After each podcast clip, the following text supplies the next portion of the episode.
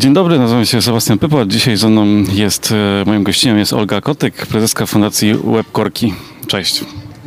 Cześć, witam serdecznie. Dziękuję za zaproszenie. E, Jesteście takim projektem, który e, wyszedł z Olimpiady z zwolnień z teorii. To jest taki ciekawy przypadek, bo chyba nie jest dużo takich projektów.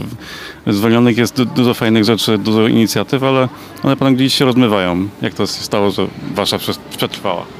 Tak, faktycznie tak jest, że zauważyłam, że część projektów ma wielki potencjał, a gdzieś tam się po czasie rozmywa. U nas było inaczej, bo u nas całe założenie było takie, że najpierw zaczynamy od zwolnionych z teorii, a później formalizujemy się. Czy to będzie fundacja, czy stowarzyszenie, więc plan był taki od samego początku. Udało to się, powstaliśmy w sierpniu 2020 roku, mamy aktualnie e, sier- czerwiec 2022, więc prawie dwa lata działalności i fundacją jesteśmy od e, ponad pół roku. E, No właśnie, no, zakładam, że e, wnioskując to z nazwy, za, chwilę sobie porozmawiamy o tym, co robicie, że pandemia dała wam jakiś e, pomysł na to, co robić i jak robić. Czy on był wcześniej już w waszych głowach? E, Zdecydowanie pandemia otworzyła pewne drzwi. To były drzwi do nauki zdalnej i ja po powrocie e, ze Sri Lanki, w której pracowałam mm, jakiś czas jako wolontariuszka, rozglądałam się nad takimi miejscami, które faktycznie potrzebują pomocy taką luką właśnie były domy dziecka i edukacja. Bo domy dziecka to jest taki obszar, który nam się bardziej kojarzy z pomocą finansową, taką doraźną, a okazało się, że najwięcej, największa potrzeba jest właśnie w tym czasie, który możemy dać e, tym dzieciom. Więc postanowiłam tą lukę zapełnić, no i tak właśnie jesteśmy. No dobrze, to co konkretnie jako e, webkorki robicie? Webkorki to jest taka fundacja, która ma na celu wyrównywać szanse edukacyjne dzieciaków z domów dziecka, ale również zapewnić rozwój osobisty wszystkim wolontariuszom, którzy regularnie współpracują z fundacją. Więc my mamy taki program korepetycji online dla dzieciaków. Każdy wolontariusz jest dopasowany do ucznia na podstawie takich bardzo em, restrykcyjnych w sumie kryteriów, bo to jest predyspozycje, doświadczenie, zainteresowanie, hobby, żeby ta praca była jak najbardziej udana. A z drugiej strony wolontariusze mają swój program rozwojowy po to, aby być po prostu docenionym, po to, aby też czuli taką przynależność do tej organizacji, więc tutaj działamy na dwóch polach. Korepetycja online e, oraz też rozwój dla naszych e, korepetytorów. E, to kto, kto się może, kto może wziąć udział w tych waszych zajęciach? To jest tak, że osoby zgłaszają zewnątrz, czy to są jakieś właśnie instytucje typu domy dziecka albo jakieś podmioty, które proszą was o pomoc dla swoich wychowanków? To są e, aktualnie domy dziecka plus pierwsza zastępcza, czyli na przykład domy dziecka rodzinne. My nawiązujemy współpracę na takiej zasadzie, że odzywamy się do całego domu dziecka i pracujemy bezpośrednio z placówką i placówka już wybiera uczniów, e, którzy faktycznie potrzebują tej, tej pomocy, albo uczniowie sami się zgłaszają we, w środku tej placówki i tak powstaje cała nasza współpraca. I, I z czego mogą na tych korkach się nauczyć? Jakie macie, macie jakieś e, konkretne specjalizacje, czy idziecie szeroko jak edukacja szkolna? E, Tak, nie ograniczamy się na pewno. Tutaj e, każde dziecko ma tak zwany indywidualny program nauczania, czyli wybiera sobie przedmioty, z jakich potrzebuje wsparcia. Wybiera sobie przedmioty takie, w których sobie za bardzo nie radzi, ale z drugiej strony na przykład takie jest, którymi, w których chce się rozwijać. Więc na przykład mamy ucznia, który ma chemię, matematykę, angielski, niemiecki.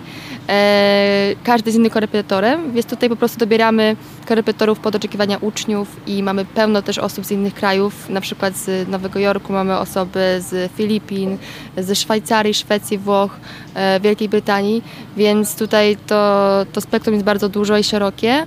I fajne jest to, że nie mamy też za bardzo dużo, za dużo nauczycieli.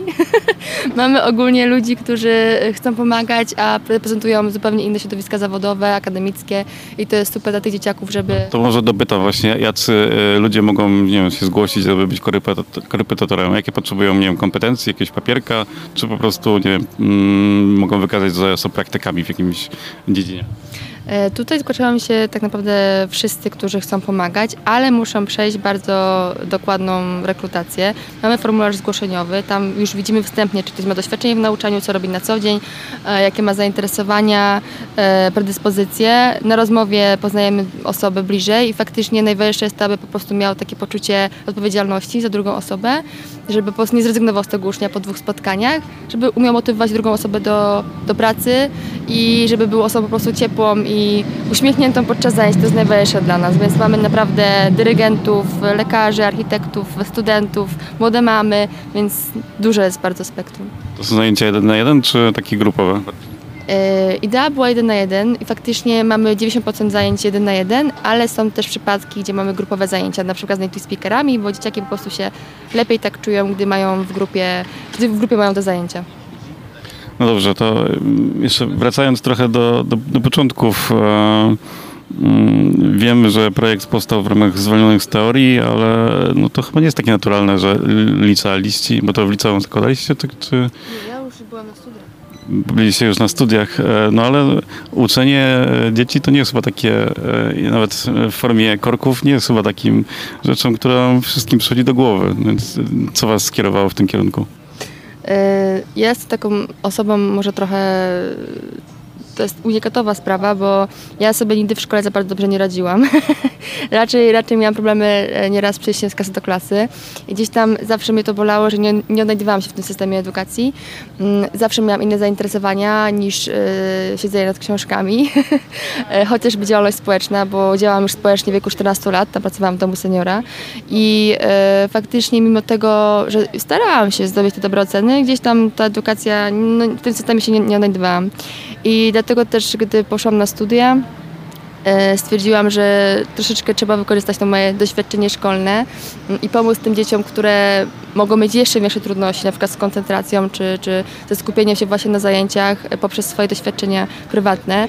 Dlatego też powstał ten pomysł webkorku. Z jednej strony pandemia, ok, otworzyła nam drzwi edukacja zdalna, ale gdzieś tam no dla mnie y, to jest bliski temat, dlatego też myślę, że to się tak wszystko rozwinęło i temu poświęcam 100% czasu, bo po prostu sama czuję potrzeby tych dzieci i sama chcę tą lukę zapełnić pod tytułem próbujemy wydobyć potencjał z każdego dziecka, niezależnie od tego, jaki ma charakter i jak bardzo mu się chce, próbujemy gdzieś tam tą drogę wyznaczyć prawidłową jemu.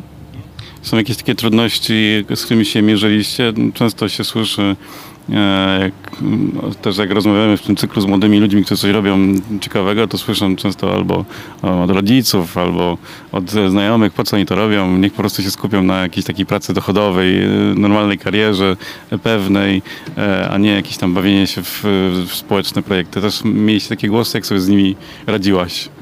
E, To jest ciekawa sprawa, bo faktycznie jak komuś mówię na przykład o fundacji i ktoś słucha z zaciekawieniem, co robimy, czym się zajmujemy, jakie mamy liczby już na koncie i nagle dochodzi do tego finansow- do tej kwestii finansowej i ja mówię, no ale nie zarabiam na tym w ogóle.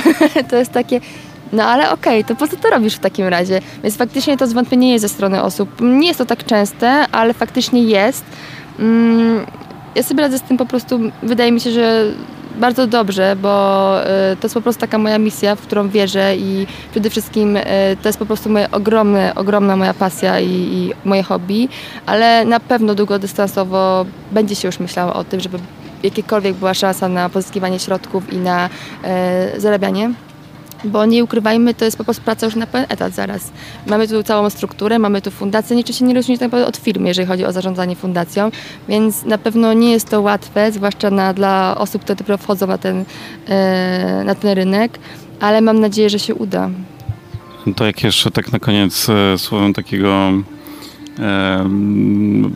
porady od osoby, która jest gdzieś jest trochę dalej, dla takich osób, które chciałyby wejść nie wiem, w świat NGO-sów, w świat takiej działalności społecznej, taką poradę, błąd, którego e, powinni się wystrzegać, albo na przykład gdzie szukać środków na początek na działalność, albo jakichś, e, nie wiem, nowych znajomości, wolontariuszy, pomocy, jak zacząć działać społecznie.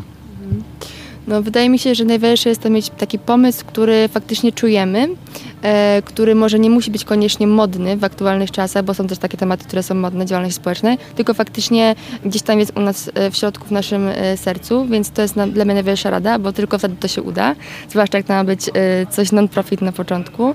Mm, no i myślę, że najważniejsze jest to, żeby mieć grupę osób, które wierzą i patrzą w tym samym kierunku co ty. Wtedy na pewno to się uda. Jeżeli będziemy mieć grupę wolontariuszy, którzy pójdą za tobą, za twoim pomysłem, to nie ma opcji, żeby się to nie powiodło. Dobrze, to ostatnie słowo. Gdzie was znaleźć i e, jak można wam pomóc? Jesteśmy na Facebooku, Fundacja Webkorki, na Instagramie, Fundacja Webkorki, na LinkedInie, więc tutaj media społecznościowe faktycznie gdzieś tam są ważną, ważnym naszym aspektem, bo działamy też online. Mm, Jeżeli chodzi o wsparcie, jesteśmy też na Patronajcie. Założyliśmy ostatnio e, konto, więc jeżeli ktoś by chciał nam pomóc, ale nie chce udzielać korepetycji, no to faktycznie może być naszym patronem. Więc tak, tutaj mogą nas znaleźć wszyscy. Zapraszam serdecznie. Dzięki bardzo. Dzięki. Źródło finansowania. Projekt finansowany przez Islandię, Liechtenstein i Norwegię z funduszy EOG w ramach programu Aktywni Obywatele Fundusz Regionalny.